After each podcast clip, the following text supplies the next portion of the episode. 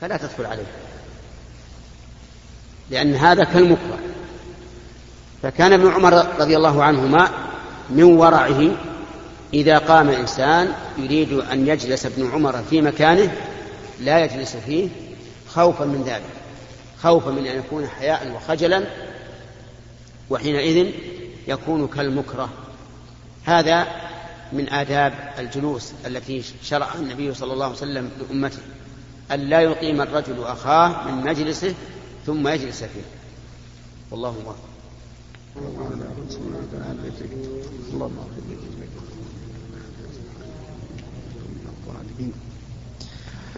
بسم الله الرحمن الرحيم. الحمد لله رب العالمين والصلاة والسلام على نبينا محمد وعلى آله وصحبه أجمعين. نقل المؤلف رحمه الله تعالى في سياق الأحاديث في باب آداب المجلس والجليس.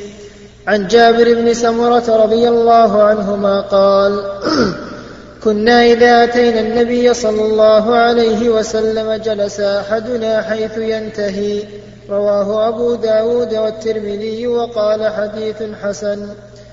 وعن أبي عبد الله سلمان الفارسي رضي الله عنه قال قال رسول الله صلى الله عليه وسلم لا يغتسل رجل يوم الجمعة ويتطهر ما استطاع من طهر ويدهن من دهنه أو يمس من طيب بيته ثم يخرج فلا يفرق بين اثنين ثم يصلي ما كتب له ثم ينصت إذا تكلم الإمام إلا غفر له ما بينه وبين الجمعة الأخرى رواه البخاري.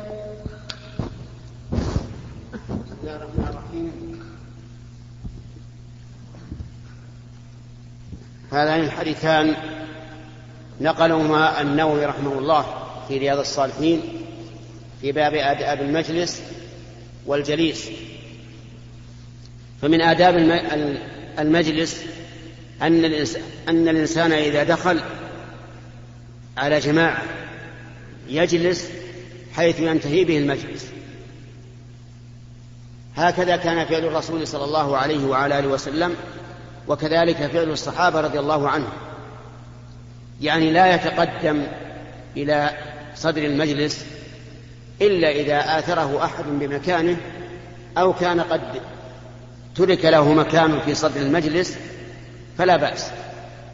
وأما أن يشق المجلس وكأنه يقول للناس ابتعدوا وأجلس أنا في صدر المجلس فهذا خلاف هدي النبي صلى الله عليه وسلم وهدي أصحابه رضي الله عنهم وهو يدل على أن الإنسان عنده شيء من الكبرياء والإعجاب بالنفس. ثم إن كان الرجل صاحب خير وتذكير وعلم فإن مكانه الذي هو فيه سيكون هو صدر المجلس.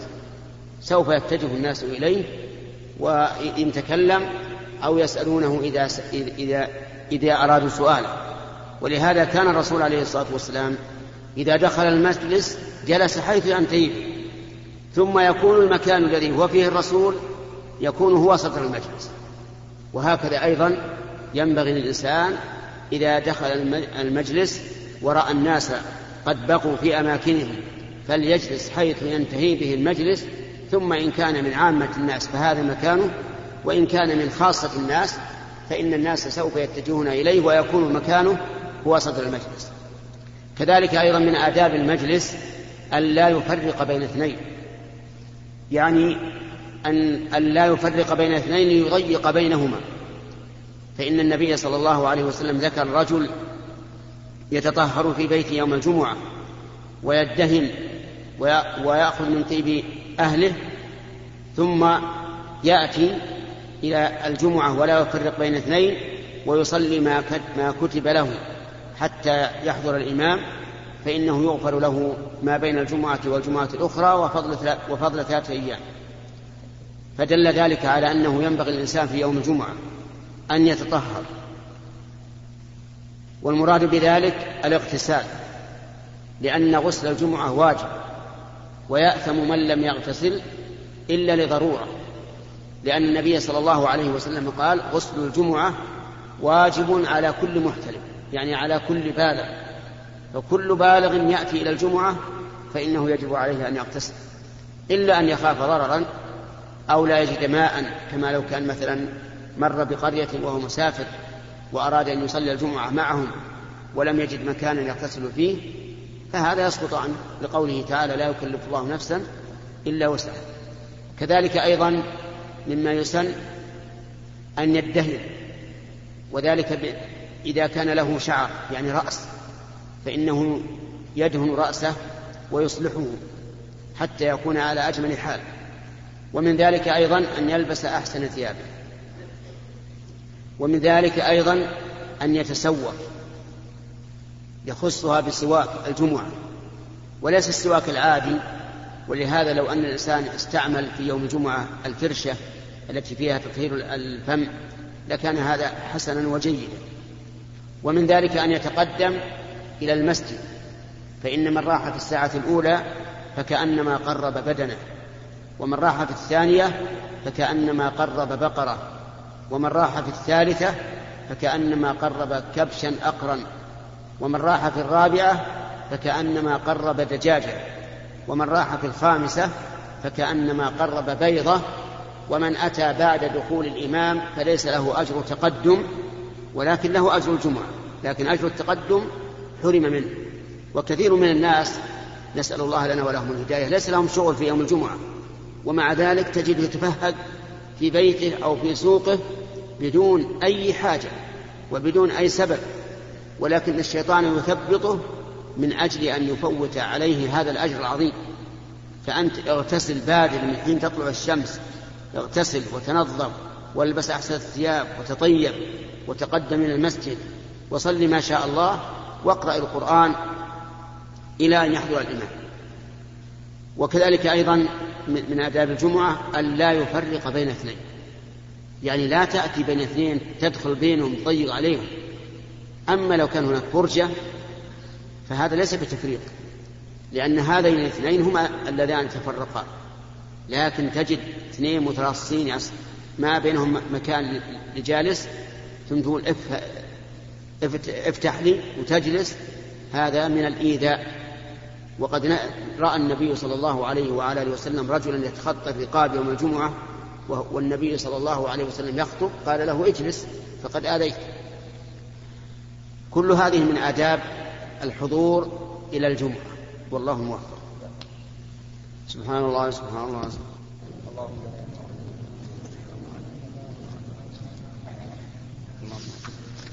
بسم الله الرحمن الرحيم.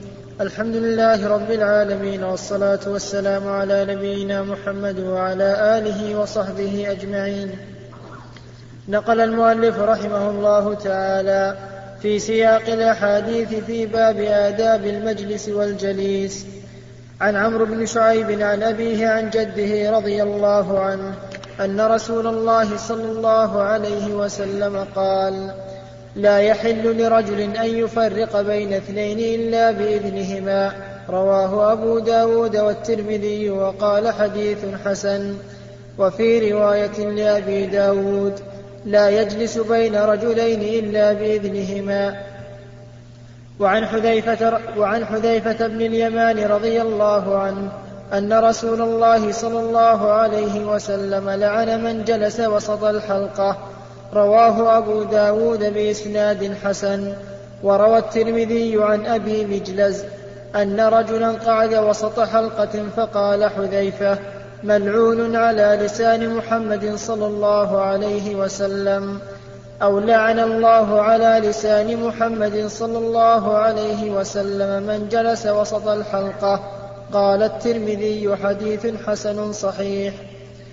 وعن أبي سعيد الخدري رضي الله عنه قال سمعت رسول الله صلى الله عليه وسلم يقول خير المجالس أوسعها. رواه أبو داود بإسناد صحيح على شرط البخاري. وعن أبي, وعن أبي هريرة رضي الله عنه قال قال رسول الله صلى الله عليه وسلم من جلس في مجلس فكثر فيه لغطه فقال قبل أن يقوم من مجلسه ذلك سبحانك اللهم وبحمدك أشهد أن لا إله إلا أنت أستغفرك وأتوب إليك. إلا غفر له ما كان في مجلسه ذلك. رواه الترمذي وقال حديث حسن صحيح.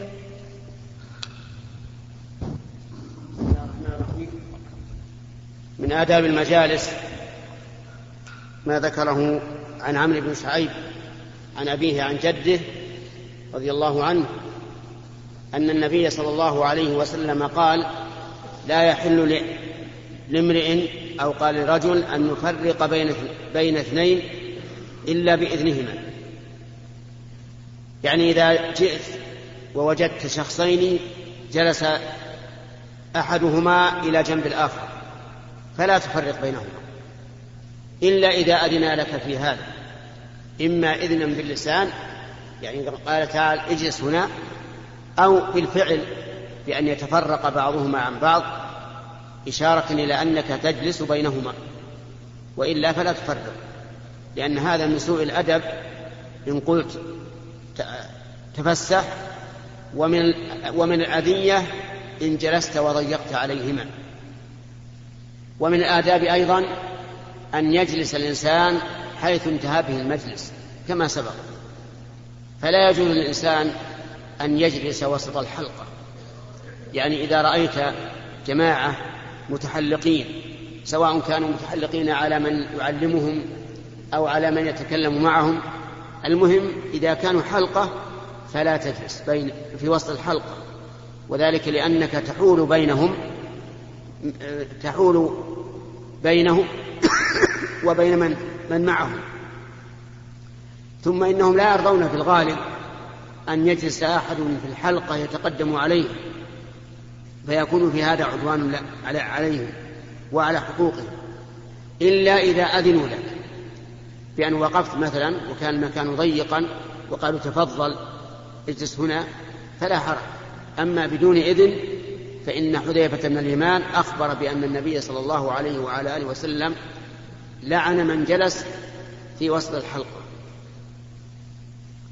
كذلك أيضا من آداب من آداب المجالس أن الإنسان إذا جلس مجلسا فكثر فيه لغطه فإنه يكفره أن يقول سبحانك اللهم وبحمدك أشهد أن لا إله إلا أنت أستغفرك وأتوب إليك قبل أن يقوم المجلس فإذا قال ذلك فإن هذا يمحو ما كان منه من لغط وعليه فيستحب أن يختم المجلس الذي كثر فيه اللغط بهذا الذكر بهذا الدعاء. سبحانك اللهم وبحمدك أشهد أن لا إله إلا أنت أستغفرك وأتوب إليك. ومما ينبغي في المجالس أيضا أن تكون واسعة فإن ساعة المجالس من خير المجالس خير المجالس أوسعها. أن تكون واسعة لأن إذا كانت واسعة حملت أناسا كثيرين وصار فيها انشراح وسعة صدر وهذا على حسب الحال. قد يكون بعض الناس حجر بيت بيته ضيقة لكن إذا أمكنت السعة السعة فهو أحسن لأنه يحمل أناسا كثيرين ولأنه أشرح للصدر. والله أعلم.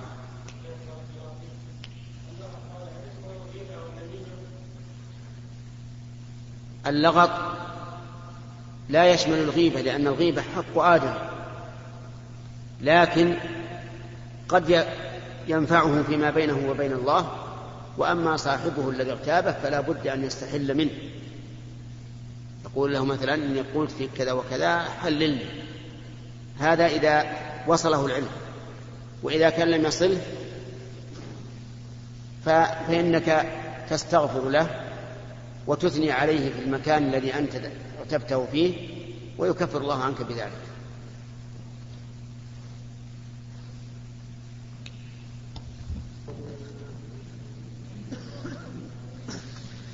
بسم الله الرحمن الرحيم. الحمد لله رب العالمين والصلاة والسلام على نبينا محمد وعلى آله وصحبه أجمعين. نقل المؤلف رحمه الله تعالى في سياق الأحاديث في باب آداب المجلس والجليس. عن أبي برزة رضي الله عنه قال كان رسول الله صلى الله عليه وسلم يقول باخره إذا أراد أن يقوم من المجلس سبحانك اللهم وبحمدك أشهد أن لا إله إلا أنت أستغفرك وأتوب إليك. فقال رجل يا رسول الله إنك لتقول قولا ما كنت تقوله فيما مضى. قال ذلك كفارة لما يكون في المجلس رواه أبو داود. ورواه الحاكم في المستدرك من رواية عائشة رضي الله عنها. وقال صحيح الإسناد. وعن ابن عمر رضي الله عنهما قال قلما كان رسول الله صلى الله عليه وسلم يقوم, يقوم من مجلس حتى يدعو بهؤلاء الدعوات. اللهم اقسم لنا من خشيتك ما تحول به بيننا وبين معصيتك ومن طاعتك ما تبلغنا به جنتك. ومن اليقين ما تهون به علينا مصائب الدنيا.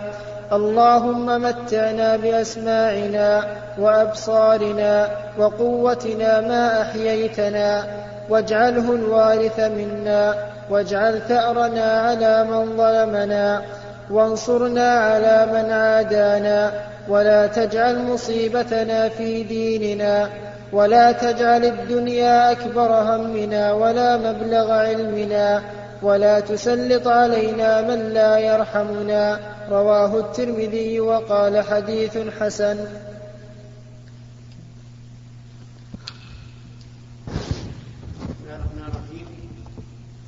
سبق لنا أن النبي صلى الله عليه وعلى آله وسلم قال من جلس مجلسا فكثر فيه لغطه فليقل سبحانك اللهم ربنا وبحمدك أشهد أن لا إله إلا أنت أستغفرك وأتوب إليك. وفي حديث أبي بردة الذي وصله المؤلف في الحديث السابق دليل على أن النبي صلى الله عليه وعلى آله وسلم كان يفعله. وبين أن هذا كفارة المجلس. وقلما يجلس الإنسان مجلسا إلا حصل له فيه شيء من اللغط. من اللغو من ضياع الوقت فيحسن أن يقول ذلك كلما قام من مجلس. سبحانك اللهم ربنا وبحمدك أشهد أن لا إله إلا أنت أستغفرك وأتوب إليك حتى يكون كفارة للمجلس. أما الحديث الآخر الذي ذكره المؤلف رحمه الله عن ابن عمر أن النبي صلى الله عليه وسلم قال لما يقوم من مجلس إلا قال وذكر تمام الحديث.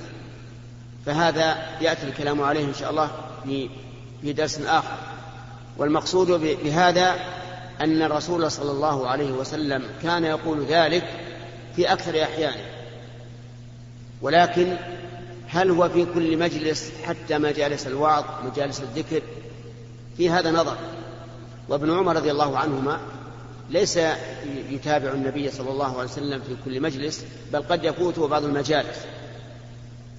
فإن قال الإنسان هذا الذكر في أثناء المجلس أو في أوله أو في آخره حصل بذلك السنة التي كان النبي صلى الله عليه وسلم يفعلها. والله موفق.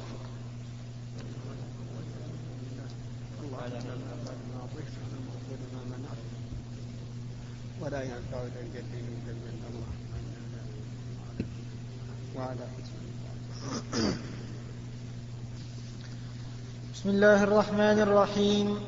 الحمد لله رب العالمين والصلاة والسلام على نبينا محمد وعلى آله وصحبه أجمعين. نقل المؤلف رحمه الله تعالى في سياق الأحاديث في باب آداب المجلس والجليس. عن أبي هريرة رضي الله عنه قال قال رسول الله صلى الله عليه وسلم ما من قوم يقومون من عن ابن عمر رضي الله عنهما قال قلما كان رسول الله صلى الله عليه وسلم يقوم من مجلس حتى يدعو بهؤلاء الدعوات. اللهم اقسم لنا من خشيتك ما تحول به بيننا وبين معصيتك ومن طاعتك ما تبلغنا به جنتك ومن اليقين ما تهون به علينا مصائب الدنيا. اللهم متعنا بأسماعنا وأبصارنا وقوتنا ما أحييتنا واجعله الوارث منا واجعل ثأرنا على من ظلمنا وانصرنا على من عادانا ولا تجعل مصيبتنا في ديننا ولا تجعل الدنيا أكبر همنا ولا مبلغ علمنا ولا تسلط علينا من لا يرحمنا. رواه الترمذي وقال حديث حسن. قال النووي رحمه الله في كتابه رياض الصالحين في باب آداب المجالس والجليس. نقل فيما نقله عن عبد الله بن عمر رضي الله عنهما أن النبي صلى الله عليه وسلم كان قلما يجلس من مجلس مجلسا إلا ويقول اللهم اقسم لنا من خشيتك ما تحول به بيننا وبين معصيتك. اقسم بمعنى قدر والخشية هي الخوف المقرون بالعلم لقول الله تبارك وتعالى إنما يخشى الله من عباده العلماء. وقول ما تحول به بيننا وبين معصيتك لأن الإنسان كلما خشي الله عز وجل منعته خشيته من الله أن ينتهك محارم الله. ولهذا قال ما تحول به بيننا وبين معصيتك. ومن طاعتك يعني واقسم لنا من طاعتك ما تبلغنا به جنتك. فإن الجنة طريقها طاعات الله عز وجل. فإذا وفق العبد لخشية الله واجتناب محارمه والقيام بطاعة الله نجا من النار بخوفه ودخل الجنة بطاعته. ومن اليقين ما تهون به علينا مصائب الدنيا. من اليقين اليقين هو أعلى درجات الإيمان لأنه إيمان لا شك معه ولا تردد تتيقن ما غاب عنك كما تشاهد ما حضر بين يديك فإذا كان عند الإنسان يقين تام بما أخبر الله تعالى به من أمور الغيب فيما يتعلق بالله عز وجل أو بأسمائه أو صفاته أو اليوم الآخر أو غير ذلك وصار ما أخبر الله به من الغيب عنده بمنزلة المشاهد فهذا هو كمال اليقين. وقول ما تهون به علينا مصائب الدنيا لأن الدنيا فيها مصائب كثيرة. لكن هذه المصائب إذا كان عند الإنسان يقين أنه يكفر بها من سيئاته ويرفع بها من درجاته إذا صبر واحتسب الأجر من الله هانت عليه المصائب وسهلت عليه.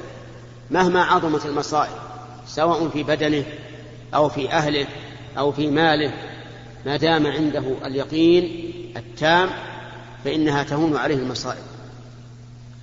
ومتعنا بأسماعنا وأبصارنا وقوتنا أو قواتنا ما أحييتنا تسأل الله تعالى أن يمتعك بهذه الحواس السمع والبصر والقوة ما دمت حيا لأن الإنسان إذا متع بهذه الحواس حصل على خير كثير. وإذا افتقد هذه الحواس فاته خير كثير لكن لا يلام عليه إذا كان لا يقدر عليه. واجعله الوارث منا. يعني اجعل التمتيع بهذه الأمور السمع والبصر والقوة الوارث منا يعني اجعله يمتد إلى آخر حياتنا حتى يبقى بعدنا ويكون كالوارث لنا. وهو كناية عن استمرار هذه القوات إلى الموت. واجعل ثأرنا على من ظلمه. يعني اجعلنا نستأثر ويكون لنا الأثرة على من ظلمنا بحيث تقتص لنا منه. إما بأشياء تصيبه في الدنيا أو في الآخرة. ولا حرج على الإنسان أن يدعو على ظالمه بقدر ما ظلمه. وإذا دعا على ظالمه بقدر ما ظلمه فهذا إنصاف. والله سبحانه وتعالى يستجيب دعوة المظلوم. قال النبي صلى الله عليه وعلى آله وسلم لمعاذ وقد بعثه إلى اليمن وبين له ما يدعوهم إليه. قال فإن أجابوك لذلك أي للصدقة من أموالهم فإياك وكرائم أموالهم واتق دعوة المظلوم فإنه ليس بينها وبين الله حجاب. لأن الله تعالى حكم عدل ينتقم من الظالم. إذا إذا رفع الشكوى إليه المظلوم فإذا رفع المظلوم الشكوى إلى الله انتقم الله من الظالم. لكن لا يتجاوز في بدعائه فيدعو بأكثر من مظلمته لأنه إذا دعا بأكثر من مظلمته صار هو الظالم. وانصرنا على من, من عادانا. وأكبر عدو لنا من عادانا في دين الله من اليهود والنصارى والمشركين البوذيين وغيرهم والملحدين والمنافقين هؤلاء هم أعداؤنا. قال الله تعالى يا أيها الذين آمنوا لا تتخذوا عدوي وعدوكم أولياء. وقال تعالى في المنافقين هم العدو فاحذرهم. قاتلهم الله أن يؤفكون. فتسأل الله تعالى أن ينصرك على من عداك ينصرك على اليهود وعلى النصارى والمشركين والبوذيين وجميع أصناف الكفرة والله سبحانه وتعالى هو الناصر. بل الله مولاكم وهو خير الناصرين.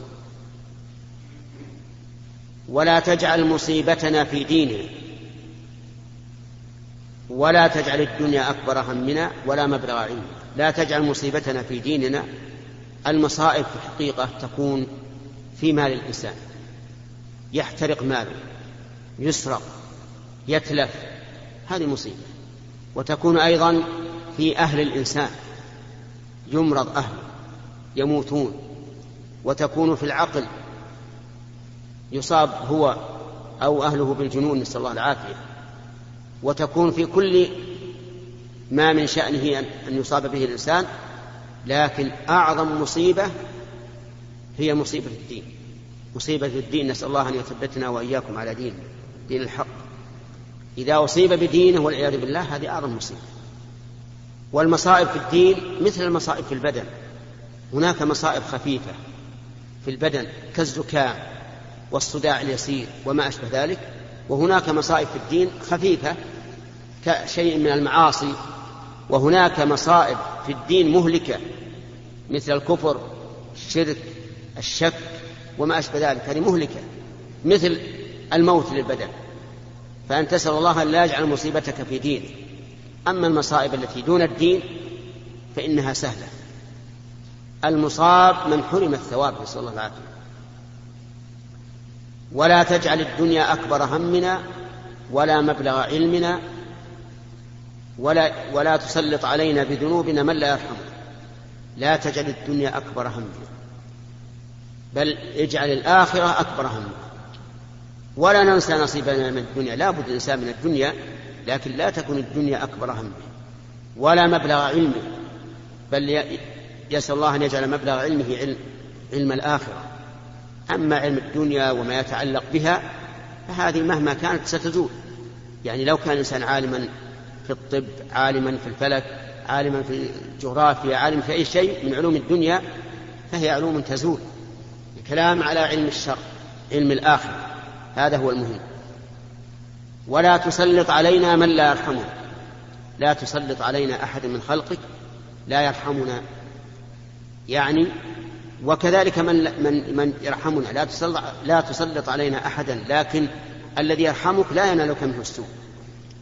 لكن الذي ينالك منه السوء هو أن يسلط عليك من لا يرحمك نسال الله أن لا يسلط علينا من لا يرحمنا فكان الرسول عليه الصلاة والسلام إذا جلس مجلسا يقول هذا الذكر لكنه ليس بداء كما سبق لنا في درس أمس إنما يقول ذلك كثيرا.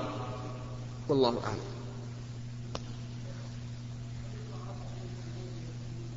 لا لا لا لم يرد هذا عن النبي عليه الصلاة والسلام. سبحان الله.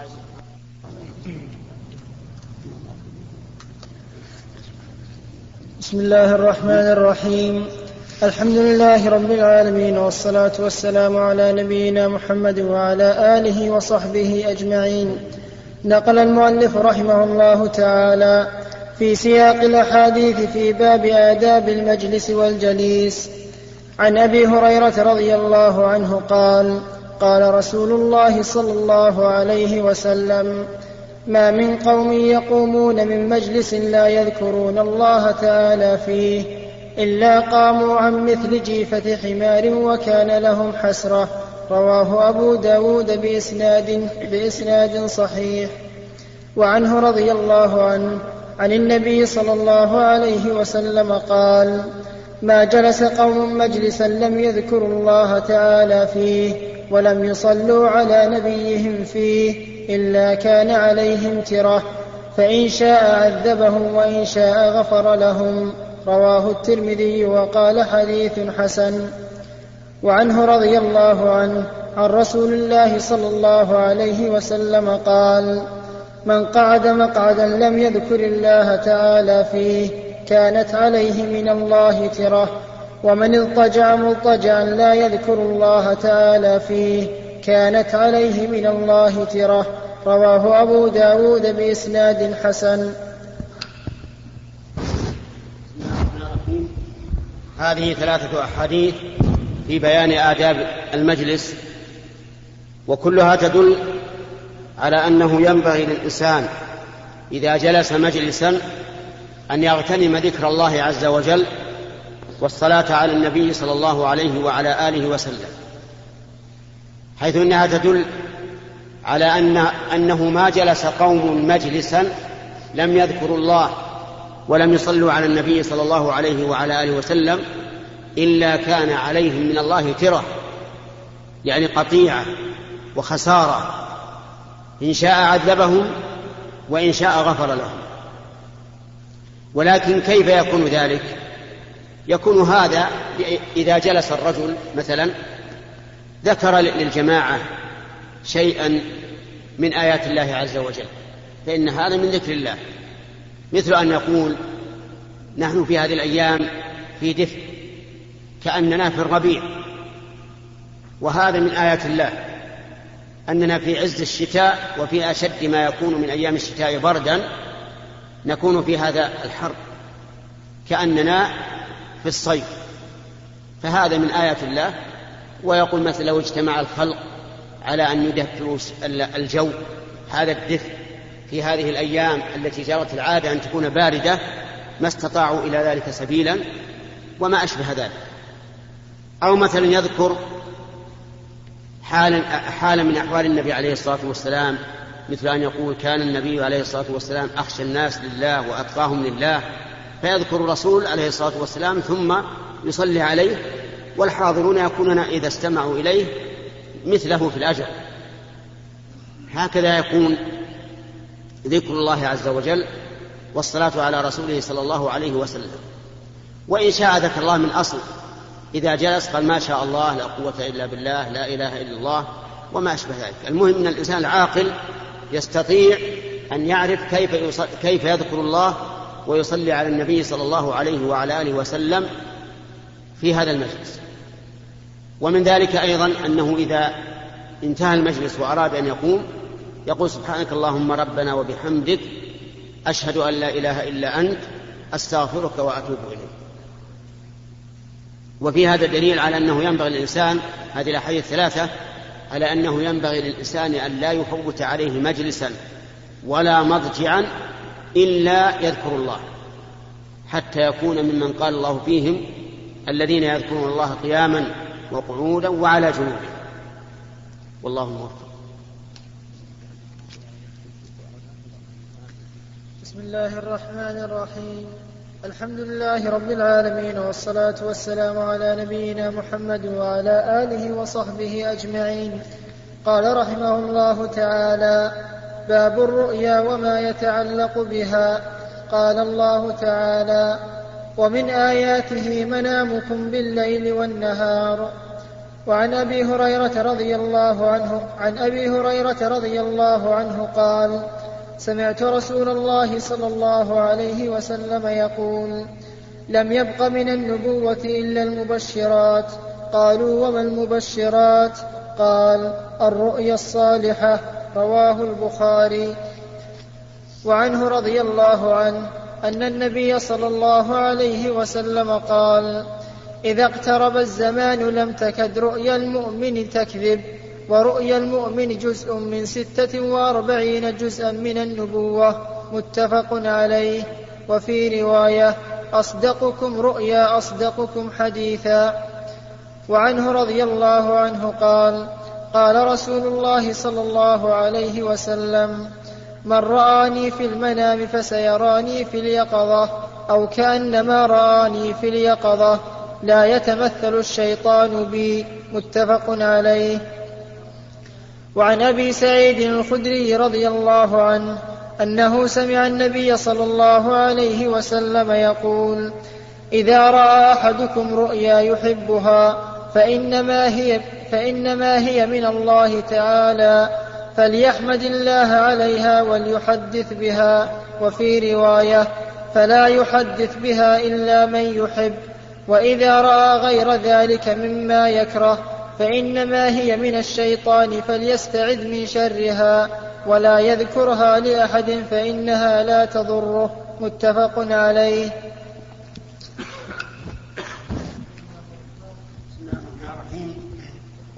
قال المؤلف النووي رحمه الله في كتابه رياض الصالحين باب الرؤيا وما يتعلق بها.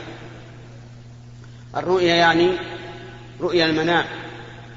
الإنسان إذا نام فإن الله تعالى يتوفى روحه. يتوفى روحه لكنها وفاة صغرى كما قال الله تعالى وهو الذي يتوفاكم بالليل ويعلم ما جرحتم بالنهار ثم يبعثكم فيه ليقضى أجل مسمى. وقال الله تعالى الله يتوفى الأنفس حين موتها والتي لم تمت في منامها. وهذه الوفاة وفاة صغرى تذهب بها الروح تذهب فيها الروح إلى حيث يشاء الله. ولهذا كان من أذكار المنام أن تقول اللهم بك وضعت جنبي وبك أرفعه إن أمسكت روحي فاغفر لها وارحمها وإن أرسلتها فاحفظها بما تحفظ به عبادك الصالحين. ثم إن الروح في هذه الحال ترى منامات ومرائي تنقسم إلى ثلاثة أقسام. رؤيا محبوبة ورؤيا مكروهة ورؤيا عبارة عن أشياء لا ليس لها معنى. وليس لها هدف. قد تكون من تلاعب الشيطان وقد تكون من حديث النفس وقد تكون من أسباب أخرى. فإذا رأى الإنسان ما يحب فهذه من الله عز وجل. وهي من نعمة الله على الإنسان أن يريه ما يحب لأنه إذا رأى ما يحب نشد وفرح وصار هذا من البشرى. من, بش من عاجل بشرى المؤمن الرؤيا الصالحة يراها أو ترى له. ولهذا قال النبي صلى الله عليه وسلم لم يبق من النبوة إلا المبشرات. الرؤيا الصالحة يراها الإنسان أو ترى له. هذه بشرى وخير وهي من الله عز وجل. أما الرؤيا المكروهة فإنها من الشيطان. يضرب الشيطان للإنسان أمثالا في منامه يزعجه بها. ولكن دواءها أن أن يستعيذ بالله من شر الشيطان ومن شر ما رأى ولا يذكرها لأحد فإنها لا تضر. لا يحرص على أن تعبر لأن بعض الناس إذا رأى ما يكره حرص على أن تعبر وذهب يذهب إلى العابرين أو أو يطالع في الكتب لينظر ما هذه الرؤيا المكروهة ولكنها إذا عبرت فإنها تقع على الوجه المكروه. وإذا استعاذ الإنسان من شرها من شر الشيطان ومن شر ما رأى ولم يحدث بها أحدا فإنها لا تضره مهما كانت. وهذا دواء سهل أن الإنسان يتصبر ويكتمها ويستعيذ بالله من شر الشيطان ومن شرها حتى لا تقع. أما القسم الثالث الذي لا ليس له هدف معين فهذا أحيانا يكون من حديث النفس. يكون الإنسان متعلق يكون الإنسان متعلقا قلبه بشيء من الأشياء يفكر فيه ويهوجس فيه ثم يراه في المنام. أو أحيانا يلعب به الشيطان في منامه يريه أشياء ما لها ليس لها معنى. كما ذكر رجل للنبي صلى الله عليه وسلم قال يا رسول الله رأيت في المنام أن رأسي قد قطع وذهب رأسي يسعى يركض وأنا أسعى وراءه. فقال النبي صلى الله عليه وعلى آله وسلم لا تحدث الناس بتلاعب الشيطان بك في منامك. يعني هذا ما له معنى ولا له أصل. يقطع راسه يركض الراس وهذا يركض بساكته هذا ما ما له معنى. فالمهم أن هذه هي أقسام الرؤيا. وإذا ضرب للإنسان مثل بأبيه أو أمه أو أخيه أو عمه أو غير ذلك فقد يكون هذا هو الواقع وقد يكون من الشيطان. يتمثل الشيطان للنفس بصورة هذا الإنسان ويراه النائم. إلا النبي صلى الله عليه وعلى آله وسلم. فإن الإنسان إذا رأى النبي على الوصف المعروف فإنه قد رآه حقا لأن الشيطان لا يتمثل بالنبي عليه الصلاة والسلام أبدا ولا يقدر. فإذا رأى الإنسان شخصا ووقع في نفسه أنه النبي فليبحث عن أوصافه أوصاف هذا الذي رأى هل تطابق أوصاف النبي عليه الصلاة والسلام؟ فهو هو. وإن لم تطابق فليس, فليس النبي صلى الله عليه وسلم. وإنما هذا أوهام من الشيطان أوقع في نفس النائم أن هذا هو الرسول وليس هو الرسول. ولذلك دائما يأتي أحد يقول رأيت الرسول عليه الصلاة والسلام وقال كذا وفعل كذا. ثم إذا وصفه إذا أوصافه لا تطابق أوصاف النبي. مع أنه في منامه, وقع عليه أنه النبي لكنه إذا تحدث عن أوصافه فإذا هو ليس النبي صلى الله عليه وسلم فنجزم أن هذا ليس هو الرسول. أما لو وصف لنا ما رآه أو لو وصف لنا من رآه وانطبقت أوصافه على النبي صلى الله عليه وسلم فهو إياه. فهو النبي صلى الله عليه وعلى آله وسلم ولكن يجب أن نعلم أنه لا يمكن أن يحدثه النبي صلى الله عليه وعلى آله وسلم بشيء يخالف شريعة شريعته أبدا. يعني لو جاء إنسان وقال رأيت الرسول وقال لي كذا وأوصاني بكذا فإننا إن كان يخالف الشريعة فهو كذب. ويكون الكذب مما ممن تحدث به إذا انطبقت أوصاف من رآه على أوصاف النبي صلى الله عليه وعلى آله وسلم. والله الموفق سبحان الله سبحان الله.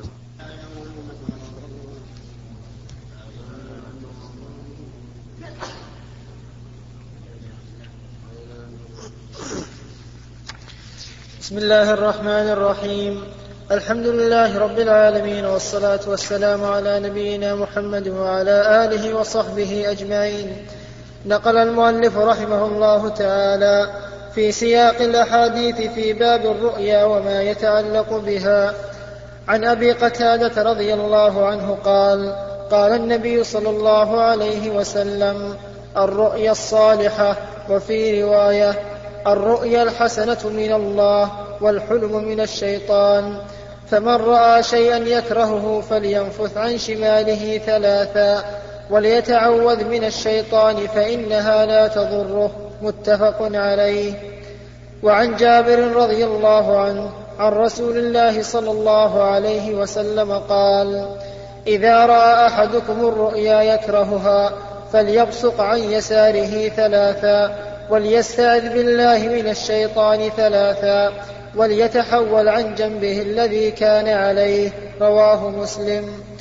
وعن واثرة بن الأسقع رضي الله عنه قال قال رسول الله صلى الله عليه وسلم إن من أعظم الفرى أن يدعي الرجل إلى غير أبيه أو يري عينه ما لم ترى أو يقول على رسول الله صلى الله عليه وسلم ما لم يقل رواه البخاري. بسم الله الرحمن الرحيم. هذه الأحاديث فيما يتعلق بالرؤيا وسبق شيء من ذلك وبينا أن الرؤيا ثلاثة أقسام. القسم الأول رؤيا حسنة صالحة فهذه من الله عز وجل. وذكرنا أنها فيما يسر وأنها من عاجل بشرى المؤمن. والثانية أو القسم الثاني الحلم وهذا من الشيطان. والغالب أنه يكون فيما يكره الإنسان. أي أن الشيطان يري الإنسان ما يكره حتى يفزع ويتكدر أيها الإخوة ويحزن في ختام هذه وربما يمرض نسأل الله أن الشيطان نلقاكم عدو في. لقاءات متجددة مع تحيات مؤسسة الاستقامة الإسلامية للإنتاج والتوزيع في عنيزة شارع هلالة رقم الهاتف والناسخة الهاتفية صفر ستة ثلاثة ستة أربعة ثمانية ثمانية ثمانية صفر. والرقم الثاني صفر ستة ثلاثة ستة أربعة خمسة ثمانية ثمانية صفر.